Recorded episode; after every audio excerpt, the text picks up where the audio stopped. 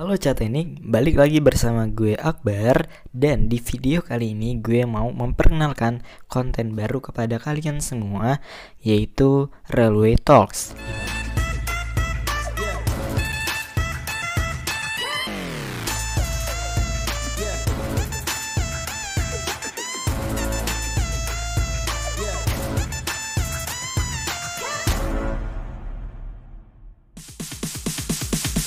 video kali ini gue mau memperkenalkan konten baru kepada kalian semua yaitu Railway Talks di mana konten ini di tiap-tiap episodenya akan membahas seputar informasi perkeretaapian pastinya.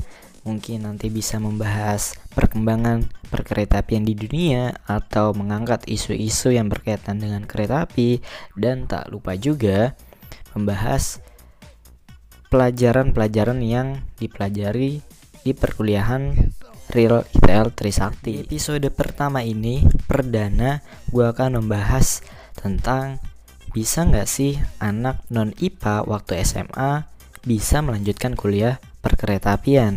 Kenapa gue angkat ini di episode pertama? Karena yang kita tahu di STTD atau di API Madiun untuk bisa masuk di D3 perkeretaapian ada persyaratannya yaitu di SMA-nya harus IPA. Tapi sebelum kita melanjutkan videonya, seperti biasa buat kalian yang belum cuci tangan, cuci tangan dulu. Kalau udah cuci tangan, langsung aja subscribe channel ini karena di channel ini kita akan membahas informasi menarik mengenai seputar dunia perkeretaapian. Nah, udah bergabung nih dengan teman-teman semuanya di sini dari mahasiswa mahasiswi real dari anak-anak teknik nih ada cewek-ceweknya juga jadi di episode pertama ini sesuai dengan apa yang kalian baca di judul, kita akan membahas tentang bisa nggak sih anak sekolah SMA waktu peminatannya itu IPA, eh selain IPA maksudnya, bisa lanjut kuliah tentang perkeretaapian. Nah, tapi sebelumnya gue mau say hello dulu nih buat teman-teman semuanya. Halo semuanya. Ada Halo. Vio, Ajeng, Amar, Ra, Nisa. Halo semuanya, gimana kabar kalian? Sehat semua kan ya? Sehat, alhamdulillah. Kalian masih di rumah aja kan ya? Atau udah ada kegiatan sehat. di luar rumah nih? Udah bosan guys. Udah bosan. Di ada... rumah. Tapi masih pada di rumah ya? Di rumah masih. Nah bagus deh. Nah jadi buat teman-teman lebih baik di rumah aja kalau nggak ada kegiatan yang sifatnya emergency. Nah, tapi kalau ada keadaan darurat mengharuskan kalian untuk keluar rumah, jangan lupa untuk pakai masker dan sering-sering cuci tangan, jaga jarak, social distancing. Nah, oke, okay, jadi teman-teman hari ini kita mau membahas tentang yang tadi udah gue sebutin. Ketika waktu SMA, penjurusannya itu ada nggak sih kaitannya ketika kita melanjutkan kuliah tentang kereta api. Tapi sebelumnya mungkin teman-teman bisa memperkenalkan diri dulu nih kepada penonton cah teknik di sini. Mulai dari siapa dulu nih? Ajeng. Mungkin dari cowoknya dulu nih. Ada eh, Mas apa nih? Mas Amar ya? Iya, nama gua Amar. Muhammad Amar Rashid atau Amar Malikan nih. Muhammad Amar Ar-Rashid. Ini ada campuran apa nih? Enggak ada. Nih nih. Asal mana? Asal mana? Tambun, gua asal Tambun. Oh, asal Bekasi. Tambun ya, berarti tinggal di Bekasi, anak Bekasi banget nih. Ya, halo, perkenalkan nama gua Ajeng Rizka. Uh, gue mahasiswi semester 4 di Tayang Trisakti. Uh, sekarang gue ngambil program studi in uh, rekayasa infrastruktur dan lingkungan uh, khas perkeretaapian. Halo, salam kenal. Oke, hai semuanya. Kenalin, nama gue Vio. Gue dari Bandung. Nah, kayaknya itu dulu aja lah. Halo. Teteh Bandung berarti ya? Halo, Teteh. Bandung. Halo, halo semua. Nama gue Syafira Faradila. Uh, gue dari Bekasi. Uh, dan gue sama kayak kalian ngambil jurusan S1 Real Rekayasa Infrastruktur dan Lingkungan, khususan kereta api. Salam kenal. Halo, Viera.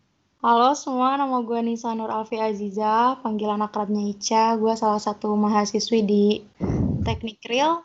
Biasanya kita dipanggil Teknik Perkeretaapian. Oke. Udah, Oh, bahasanya dari Tasik.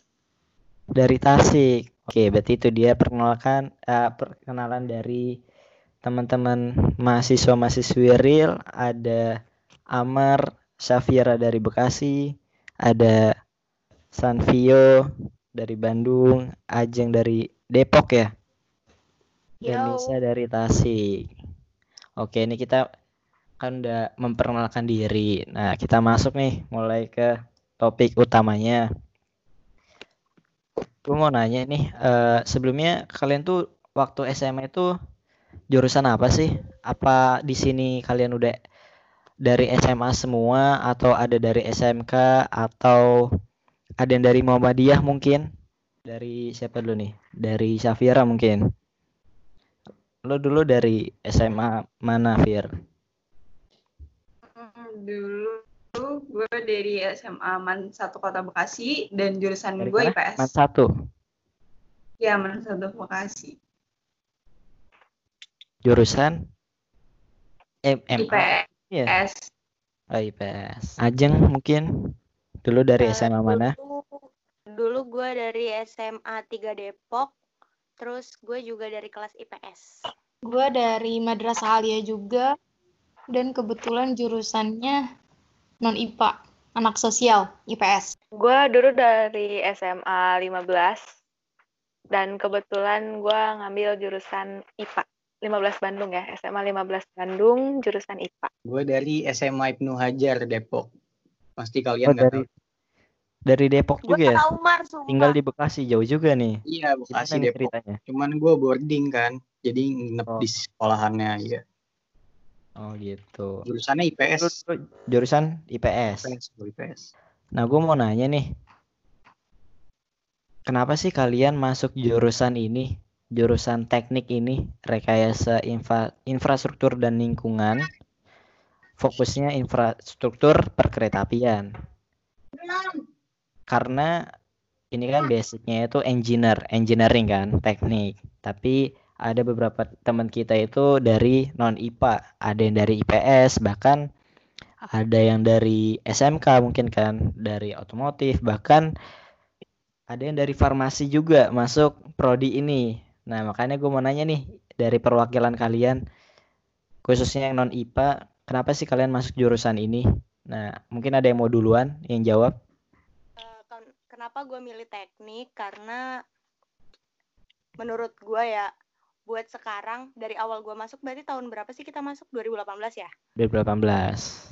2000 dari awal kita masuk sampai nanti ke depannya mungkin pas kita lulus 2021 2022 itu dunia perkeretaapian kalau kata gue ya bakalan jadi anak emas di moda transportasi gitu jadi kayak eh, prospek kerjanya pun luas gitu. Tenaga-tenaga yang dibutuhin pun banyak. Makanya kenapa gue milih ini? Karena di sini juga salah satu jurusan yang eh, langka ya. Ya nggak sih? Langka nggak sih? Langka kan? Langka-langka. Lumayan, lumayan. Masih minim lah. jadi kayak ya masih minim. Apalagi eh, kita jadi eh, angkatan pertama kan waktu itu. Jadi ya gue sih berharapnya nanti angkatan gue jadi pelopor buat orang-orang ke depannya gitu loh supaya eh, dunia perkeretaapian di Indonesia tuh makin maju gitu Oh, berarti lo udah ada waktu milih jurusan ini melihat prospek gitu berarti ya. Oh, ke depannya tuh kayak gini. Walaupun Ya. lo modal nekat mungkin ya dari IPS terus masuk ke dunia teknik Itu gitu ya. Iya sih, em, setelah proses mikir yang cukup lama, sama minta dukungan dari orang-orang terdekat juga, makanya akhirnya setelah gue udah mutusin, eh, setelah mikir-mikir yang lumayan lama itu, gue mutusin buat nekat aja deh ngambil ini. Yang penting kan nanti prospek ke depannya eh, baik gitu. Amar, Amar. Amar Karena boleh kayaknya Amar. bakal ramai nih. Iya, a- a- tadi kan lo bilang dari SMA Ibnu Hajar jurusan IPS. Tapi Iya. kenapa lo bisa tiba-tiba masuk nih ke dunia teknik di ITL Trisakti? Apa alasan lo masuk ke jurusan ini? Sebenarnya gara-gara gue tuh kalau lagi pulang atau lagi jalan mau ke sekolahan nih, di pinggir tol tuh ini kan ada proyek LRT kan. Mm-mm. Gue tuh sering nanya "Nyokap gue ini jadinya kapan. Terus eh, ternyata nggak cuma di situ doang kan yang dibangun. Akhirnya gue mulai tertarik. Berarti ini nanti jadinya pas umur gue kerja nih. Akhirnya ya udah kebetulan kakak gue dulu kuliahnya di sini juga yang ada hubungan sama transportasi. Eh kebetulan juga pas gue lulus 2018 dari SMA itu ITL Trisakti ngebuka jurusan kereta api. Ya udah deh akhirnya gue karena tertarik sering ngeliat pembangunannya dan gue mikir ini prospeknya bakal apa nanti tuh kayaknya ini bakalan bagus nih prospeknya. Kayaknya lapangan kerjanya bakal banyak. Akhirnya gue tertarik dan gue daftar akhirnya. Walaupun gue dari IPS, banyak guru-guru gue yang ngeraguin. Uh, bilang, kamu kan dari IPS, yakin mau masuk teknik, ini bakalan susah buat kamu gitu. Cuman uh, gue yakin gue setelah dimotivasi sama om gue, sama bapak gue semuanya, akhirnya gue ngejalanin ini. Akhirnya gue masuk dan bertahan sampai sekarang, alhamdulillah. Kayak Oke. gitu. Berarti dari awalnya ketertarikan lo melihat Iya, pembangunan. LRT gitu ya, Iya. terus di penasaran cari tahu gitu ya. Ya, Akhirnya kayak kamu jurusan ini di ITL. Eh, Sebenarnya gue juga sama sih, gue ragu, gue takut. Tapi eh, orang tua gue tuh ngeyakinin semuanya bisa karena terbiasa. Jadi gue berani buat ngambil jurusan ini. Dan ditambah gue ngeliat eh, lagi banyaknya proyek, proyek besar. Eh, karena waktu itu gue belum tahu ya di luar Jakarta tuh ternyata ada proyek juga, tapi gue tahunya cuma di Jakarta, yaitu LRT sama MRT. Eh, dan pas banget yang kayak tadi Amar bilang, eh, pas eh, tahun kelulusan kita nanti, eh, kalau kita udah masuk kuliah, itu pas banget jadinya sama LRT MRT ini. Jadi menurut gue eh, lapangan kerjanya tuh bakal luas banget, apalagi kita angkatan pertama, dan itu bakal jadi keberuntungan banget. Apa salahnya buat nyoba, dan ternyata pas sudah dijalanin pun, eh, susah sih susah, awalnya susah, tapi gue coba untuk eh, adaptasi lagi teman-teman gue juga membantu dan eh, ternyata mm, materi PES gue di SMA tuh ada yang masuk ke teknik oke contohnya hidrologi kita ngepelajarin di IPS tuh ada kayak curah hujan gitu-gitu tuh ternyata masuk. Jadi nggak semuanya buta banget karena kita belajarnya tuh dari awal banget dari dasar. Jadi uh, gue sendiri pun dan gue teman gue juga yang dari PS gak terlalu kaget pas uh, masuk ke jurusan ini karena sebenarnya dibantu dari dasar banget. Tapi kalau misalkan tadi kan banyak yang ngomong, oh gue ngeliat proyek dari LRT, dari MRT, kemudian oh prospeknya bagus nih dunia kereta api. Tapi sempet nggak sih lo mencari-cari eh, apa namanya sekolah kereta api gitu loh? Atau memang kebetulan waktu lo mau lulus, lo pengen masuk sekolah kereta api, eh kebetulan nemu ada nih prodi perkeretaapian di ITL. Atau memang sebelumnya lo udah cari tahu gitu? Uh, yang iya gue gue taunya itu cuma ada di uh, SLTD tapi itu juga D3 sama Madiun juga dan pas banget gue dapet info dari temen gue kalau misalnya ada jurusan baru nih yang dibuka di kampus Ital Trisakti jadi gue coba di situ dan gue keterima Oke, berarti lo sempat eh, research dulu kayak berarti nemu STTD sama API Madiun untuk sekolah kereta api, tapi lo dapet info nih dibuka prodi baru gitu ya berarti ya maksudnya. Oke. Mm-mm. Nah, mungkin dari Vio gimana nih kalau dari Vio? Kenapa lo ngambil jurusan ini? Kalau gue pertamanya karena gue pengen sebenarnya tuh gue pengennya kuliah di sipil, pengen Mhm. banget kuliah di sipil, tapi ya eh apa ekspektasi kita berbanding terbalik kan sama realitanya. Jadi kebetulan gue dikasih tahu sama saudara gue ada jurusan baru di sini dan kebetulan membahas juga tentang sipil, ada sipilnya lah gitu. Jadi gue tertarik dan ini jurusan pertama dan sepupu gue apa saudara gue itu bilang kalau misalnya uh, ini tuh prospeknya besar karena emang ahli kereta tuh dibutuhin banget sama perusahaan-perusahaan kereta api. Jadi gue benar-benar tertarik karena ada sipilnya juga. Jadi gue ambil jurusan ini.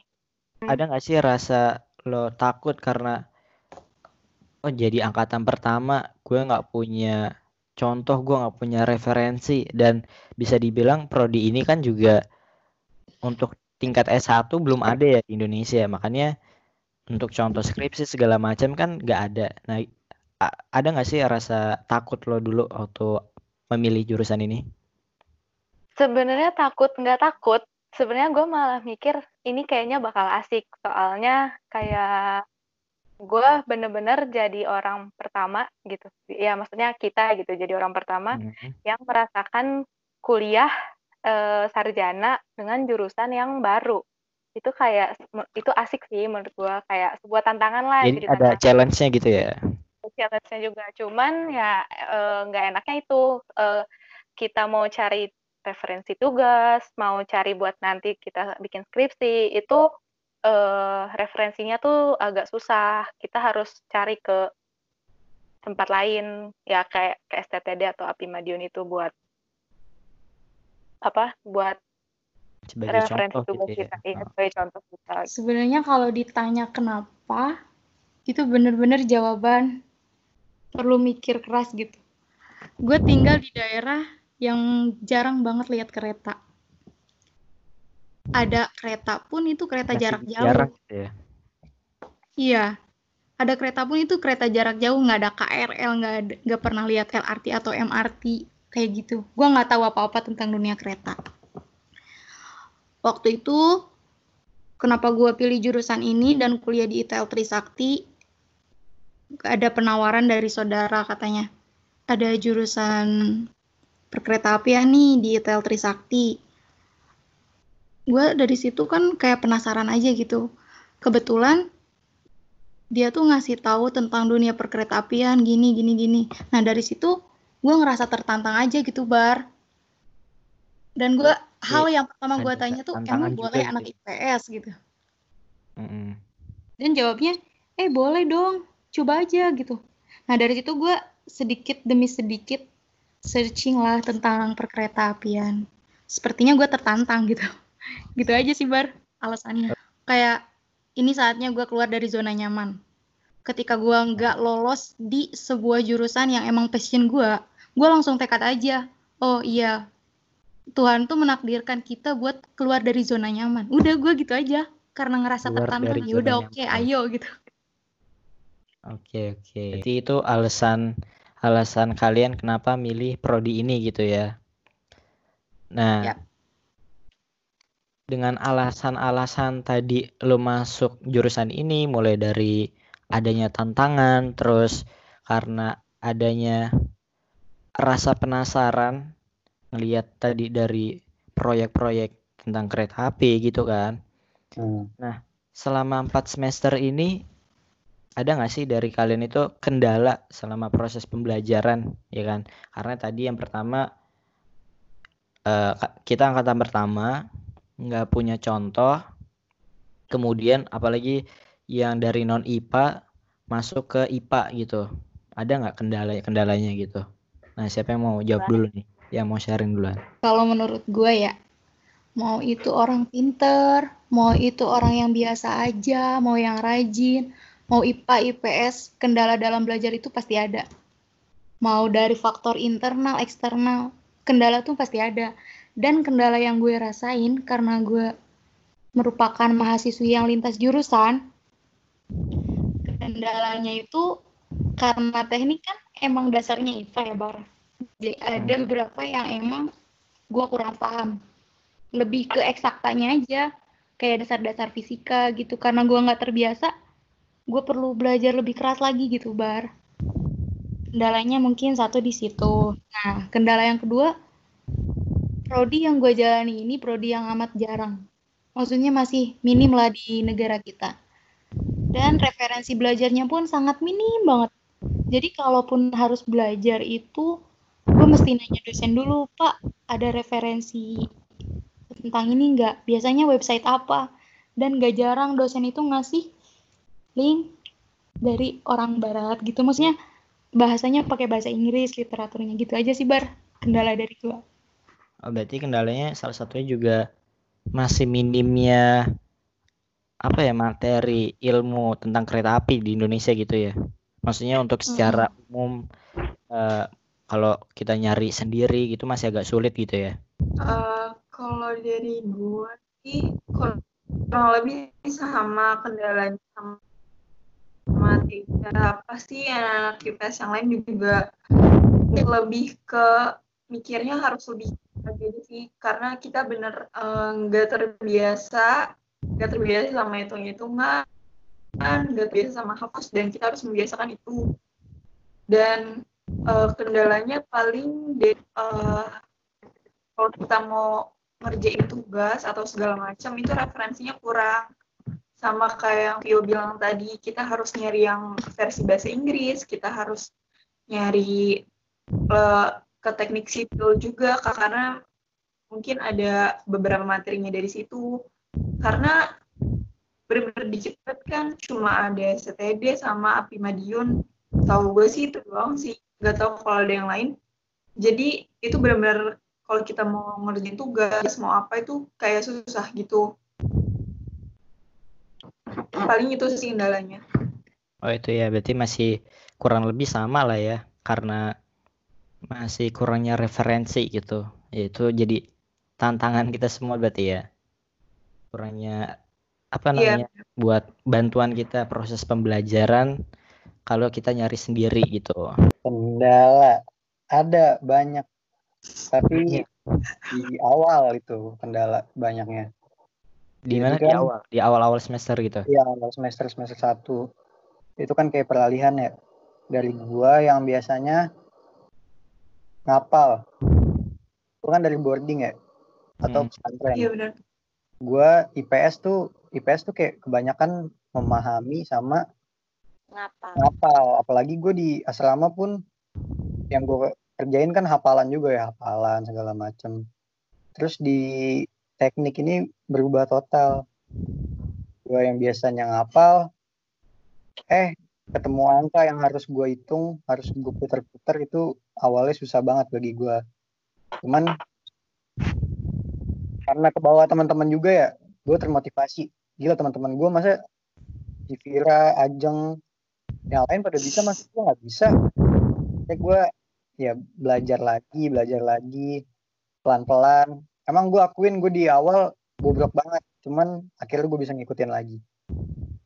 Kayak berarti lo lebih kendalanya itu di awal karena peralihan gitu ya. Ya, Dari awal itu, lo di ah, MA masuk ke teknik kayak gini gitu. Nah, tapi cara lo beradaptasinya itu gimana tuh dari lingkungan yang berbeda gitu? ya gue eh, kebetulan gue gampang yang ngikutin yang ada di sekitar gue dan itu sih yang tadi gue tuh lebih ke termotivasi sebenarnya. Gara-gara teman-teman gue yang IPS juga kan waktu awal-awal kenalan gue nyari juga kan yang sejalan sama gue yang dulunya IPS ternyata pas di kelas mereka kok bisa. Gue waktu itu masih belum bisa. Akhirnya gue termotivasi dari mereka kayak gitu. Bisa masa gue enggak? Kayak gitu. Akhirnya gue belajar lagi belajar lagi belajar lagi sampai akhirnya gue bisa. Nah, ini kan tadi dari IPS nih. Coba kita seling ke IPA mungkin dari Vio. Mungkin walaupun lu da- lu sebelumnya dari IPA terus tetap masuk ke teknik yang bisa dibilang masih sejalan lah. Tapi lo ada nggak sih kendala gitu selama kurang lebih 4 semester gitu? Ada di semester 2. Jadi meskipun emang kita dapat nih basicnya cara berpikir mat, apa secara matematis gitu. Kita bisa gitu ya. Bisa dibilang bisa lah gitu. Cuman waktu di semester 2 ada mata kuliah yang statika dan mekanika bahan. Itu di situ gue bener-bener ngerasa gue terancam. Karena meskipun gue IPA, tapi ngejalanin mata kuliah itu tuh menurut gue itu berat banget. Karena karena mungkin gue juga masih adaptasi gue juga butuh adaptasi karena materi kita juga sebenarnya kita kalau menurut gue kita semua itu pada akhirnya semua belajar sama-sama. Kita mulai dari awal lagi bener gak sih? Kan pada ngerasain gak sih? Kita semua tuh benar-benar ngulang lagi benar-benar benar-benar benar iya benar iya karena gue ngerasain ini materinya baru apa benar-benar baru dan kayak aneh aja gitu mulai ngedengar mata kuliahnya yang kayak gini kayak gitu kayak merasa unik aja gitu. Eh gue juga merasakan kendala di mata kuliah beberapa mata kuliah. Yang gue nggak bisa ngikutin ya kayak gak bisa ngikutin gitu. Jadi kayak beda gitu kan dari yang lain. Ini jurusan baru mungkin kurang masih belum familiar gitu kali ya. Jadi itu nah, jadi iya. kendala buat kita walaupun Iya kita anak IPA gitu ya. Karena basicnya pun gue nggak terlalu mengenal kereta, jadi pas gue tahu kereta kayak, oh oh ini ya kayak aneh aja gitu di buat gue agak aneh aja, belum familiar. Oke okay, okay. Benar, tapi gue pengen nambahin deh. Iya boleh, nambah Fir. Uh, gue setuju sama Vio karena benar-benar semuanya tuh materi pelajaran yang kita baru tahu. Karena ternyata setelah gua ngeh-ngeh jurusan kita itu pelajarin semua teknik itu loh teknik sipil. Yo bilang mekanika statika eh statika dan mekanika bahan uh, materinya teknik sipil.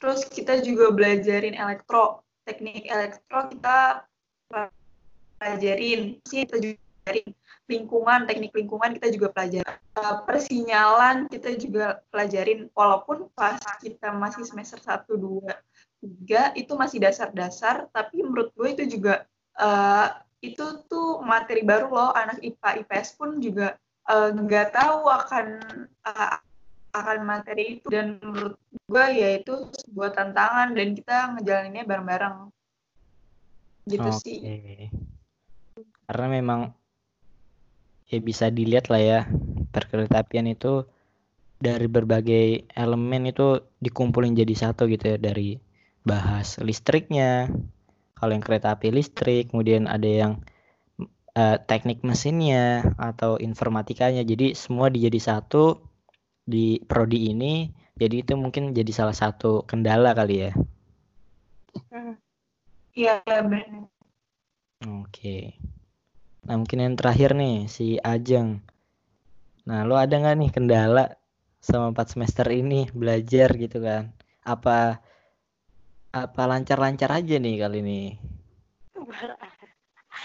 Kayak uh, jawaban gue udah dirangkum sama teman-teman semuanya deh. Struggle-nya pasti banyak banget, apalagi buat yang lintas jurusan kayak gue kan. Yang pertama kita harus ngejar materi di awal-awal tuh semester 1 semester 2 tuh kayak mau meledak gitu loh palanya. Pokoknya kita harus ngejar materi apalagi gue tapi untungnya tuh gue terbiasa belajar akuntansi waktu SMA jadi kayak udah kebiasaan uh, mainin angka gitu. Tiba-tiba pas kuliah ketemu tapi angkanya angka fisika yang dulu waktu SMA tuh gue hindarin gitu. Malah pas kuliah gue ketemu lagi. Jadi di situ struggle struggle awalnya tuh di situ. Terus uh, tiba-tiba masuk ke semester 3 itu udah mulai masuk ke penjurusan perkeretaapian. Nah, di situ gue udah mulai menikmati kuliahnya, kayak mata kuliahnya, terus dosen-dosennya juga pembawaannya udah mulai asik gitu. Jadi kayak yang gue udah mulai, oh kayak gini toh, oh kayak gini toh, udah mulai ngerti. Terus yang paling seru, eh paling seru, paling susah itu tuh kalau lagi kita ada materi, eh ada tugas-tugas gitu, dan materinya bener-bener kayak yang udah dalam, banget. banget. Di uh, kayak oh, udah dalam banget di kereta di kereta api. tapi gak ada referensi lain gitu di internet. Kayak cuma ya udah dari PPT bapaknya doang. Itu tuh kayak bikin mumet banget kan tapi ada sih sebenarnya ada materi-materi referensi lainnya cuma dalam bahasa Inggris. Jadi kayak kita harus bedah jurnal internasional dulu lah bedah literal, literatur internasional dulu lah baru ketemu jawabannya gitu. Itu yang lumayan bikin muter otak berkali-kali sih. Kayaknya cuma itu deh kalau kendala belajar. Oke. Okay. tapi cara lo buat beradaptasi itu gimana? Pertanyaannya sama nih kayak Amar tadi. Kalau gue beradaptasinya tuh untung aja bener-bener kayak gue bersyukur banget anak teknik eh, real 18 itu suportif abis. Bener-bener kayak mereka tuh Newport banget eh, teman-temannya Iya, yang beda jurusan gitu. Jadi dari awal kayak misalkan semester 1 semester 2 itu ada beberapa anak di kelas gue yang eh, mereka tuh ngasih catatan-catatan waktu SMA-nya, catatan fisika waktu SMA-nya, atau enggak mereka kadang suka bikinin gue catatan eh, apa namanya kayak catatan-catatan materi yang lumayan susah, lumayan susah dipahami sama gue, yang otaknya pas-pasan kayak gini. Jadi kayak mereka ngasih catatan yang bakalan eh, apa namanya dipermudah gue membacanya, gue menghafalnya, gue memahaminya gitu loh. Jadi ya bersyukurnya gitu beradaptasinya karena lingkungan sekitarnya juga suportif terus eh, apa namanya kadang kalau mau ujian tuh kita belajar bareng-bareng itu sih gue salut banget sama anak teknik real 18 Oke. Benar-benar. Berarti itu ya cara lo beradaptasi. Nah, dari sharing-sharing tadi nih, Us- nah coba dari di antara kalian ada nggak sih tips atau motivasi nih buat teman-teman di luar sana yang masih ragu, yang mungkin sekarang dia non IPA, tapi suka sama perkeretaapian misalkan. Nah, dia mau kuliah di kereta api. Karena kan yang kita tahu kalau contoh kita masuk STD atau API Madiun itu kan kalau mau masuk jurusan kereta api dia persyaratannya harus masuk IPA. Nah, sedangkan di kita boleh aja gitu dari non IPA asalkan siap secara rohani maupun jasmani gitu kan. Harus siap mental mental juga gitu. Nah, ada nggak dari di antara kalian yang mungkin mau memberikan tips-tipsnya cara eh, apa ya namanya? Bisa lintas minat gitu loh. Dari minat lo dulu SMA apa, pas kuliah beda gitu, keluar jalur. Nah, ada nggak motivasinya nih atau tips-tips? Kalau menurut gue ya pikirin dulu matang-matang diskusi dulu lah sama orang-orang yang udah ngerti tentang jurusan-jurusan kayak tentang minat bakat lo gitu-gitu.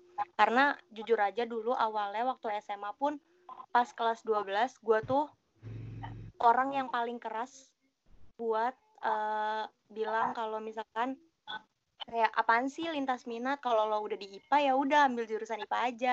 Kalau di IPS udah ambil jurusan IPS aja. Tapi ternyata ya gue nelen lidah eh, ludah gue sendiri gitu. Kayak gue dari IPS malah ke IPA kan.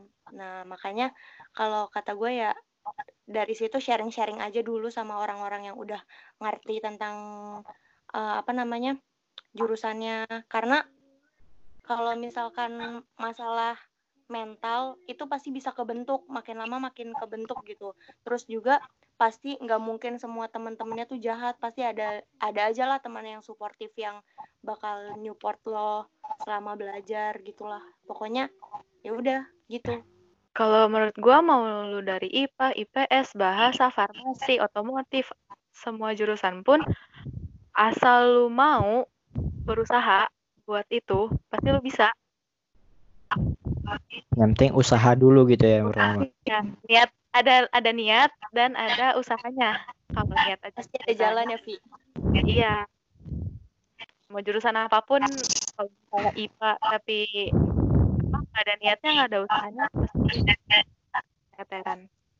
Oke, berarti lo harus punya niat dulu nih. Berarti kalau lo sukanya apa, passionnya apa, Iya dan lo betul. ambil itu, ya udah, lo fokusin usaha gitu berarti ya. Iya. Dan tapi harus sesuai juga sama kemampuan lu. Jangan lu Oke. ya uh, Berarti lo harus lihat dulu juga kemampuan lo tuh sampai mana gitu ya. batas limitnya nggak sih Ah, ya. Oke, oke. Eh, kalau gue sih lebih setuju sama, eh, sama Vio tadi. Sebenarnya kalau misalnya dia udah niat, ya dia dari jurusan apa pun, terus tapi dia tertarik sama kereta api, kenapa enggak? Jadi kalau niat dia tuh ada gitu sama dia mau usaha. Soalnya kan ini empat tahun kan, nggak sebentar. Takutnya kalau em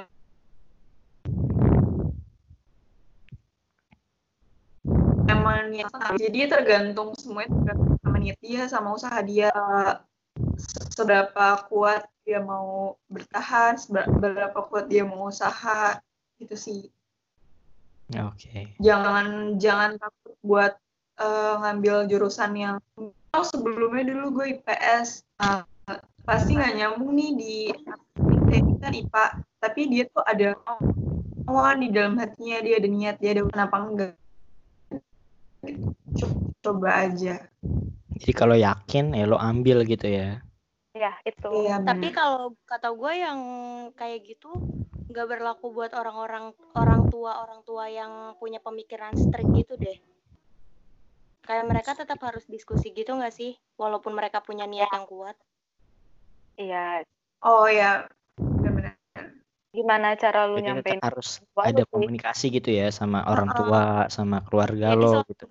yang kuat harus punya eh harus bisa apa ya kayak kong kalingkong gitu loh sama orang tuanya. Harus bisa kasih pemahaman. Nah itu maksudnya apa kalau sih gue gue ini sih jang. Boleh boleh. Dulu ya dulu berarti dia harus nyiapin dirinya. Dia sama ngiyakinin dirinya sama ngiyakinin orang tuanya kalau dia bisa masuk jurusan ah, yang iya, dia mau. maksudnya. contohnya jurusan kita uh, dan pada intinya bertanggung jawab nah iya, iya benar kayak kalau gue tadi berarti jangan kepercayaan dari di awal yang harus bertanggung jawab sama kepercayaan yang dikasih sama orang tua gitu Berarti lo, lo harus jangan di tengah-tengah jangan sampai mundur gitu ya. Kalau lo di awal udah yakin, lo udah ngomong sama orang tua lo segala macam, ya lo harus selesaiin gitu ya tanggung jawab sama apa yang lo pilih gitu berarti ya. Iya. Baru ada tambahan dari gue nih. Oh, Kayaknya belum ada yang nyinggung tadi nih. Apa tuh? Jangan lupa doa. Oh iya, doa. Iya. Ini dari Allah bilang enggak, ya enggak. Jangan lupa doanya juga. Doa Bener, anak. itu manjur sih. Iya, anak boarding Iya, school betul emang. Iya. Iya, iya. serius gua. Bukan karena gua anak boarding seriusan itu beneran ngaruh loh, ngaruh banget seriusan gua. Iya, iya, tapi setuju, Jadi lo harus berdoa, usaha, ikhtiar, doa. tawakal itu berarti ya. Nah, itu intinya. Oke. kita jadi orang yang open minded deh Oke. Berarti itu harus berpikiran terbuka dan realistis Dan harus jangan pelit ilmu, pikirannya. sumpah. Oh itu mah paling Lo penting kalau punya ilmu, Itu penting banget. lo kalau punya ilmu berarti harus jangan apa ya, bu, buat Eh. diri lo sendiri gitu berarti ya. Kayak Lo punya ya lo sharing ke teman-teman lo. Karena ya lo punya sendiri, ntar lo di dunia kerja nggak bakal butuh juga. Maksudnya nggak nggak gak apa ya? bakal kepake. Iya nggak bakal kepake gitu. Karena kan di dunia kerja nanti lo kerja sama teamwork yang yang diutamain gitu kan, bukan individual. betul Betul. ya contohnya contohnya bapak Akbar ini yang IPK-nya 4 tapi Oh. lo. ilmu Ya, kakak. Aduh, jangan ngomongin IPK dah, Kak. terima kasih bapak Enggak, tapi tanpa Akbar apa jadinya kita, sumpah. Oh iya, bener banget. Terima Iya. kasih, Bapak. Terus lu salah satu motivasi gua sih Bar, usaha kalian masing-masing. Iya, lu salah satu apa ya mentor gila mentor. Salah salah satu mentor gue juga lu. Bar. Itu dari eh, tips atau motivasi nih dari kalian untuk teman-teman yang mau lintas minat tadi yang udah kalian sebutin satu persatu. Nah, mungkin eh, kalau nggak ada lagi tips dari kalian, mungkin sampai di sini aja kali ya. Sharing-sharing kita, pembahasan kita di jurusan ini eh mengenai buat kalian yang non IPA bisa nih kuliah tentang perkeretaapian di ITL Trisakti. Nah, jadi buat teman-teman yang lagi nonton kalau ada pertanyaan seputar lintas minat, kalian bisa tulis di kolom komentar di bawah ini dan kalau di antara kalian ada yang mau request membahas topik apa yang bakal diangkat di konten ini di Railway Talks ini kalian juga bisa tulis di kolom komentar. Nanti akan kita buatkan videonya. Nah, makasih banget buat teman-teman semua yang udah gabung hari ini. Nah, jadi kalian udah sharing-sharing uh, apa yang kalian lakukan selama 4 semester ini kepada teman-teman semua. Jadi kalau harapan dari gue sih semoga kita bisa cepat kumpul lagi, bisa belajar Amin. di kampus lagi. Amin. Semoga cepat kelar. Cepat apa ya mereda lah penyebaran COVID-19 ini. Nah, mungkin thank you banget buat kalian yang udah nonton video ini dan jangan lupa subscribe channel YouTube ini supaya nggak ketinggalan info-info tentang perkeretaapian. Jangan lupa di-share dan kita ketemu lagi di video berikutnya. Bye, Chat Teknik. Dah. Dadah. Dadah.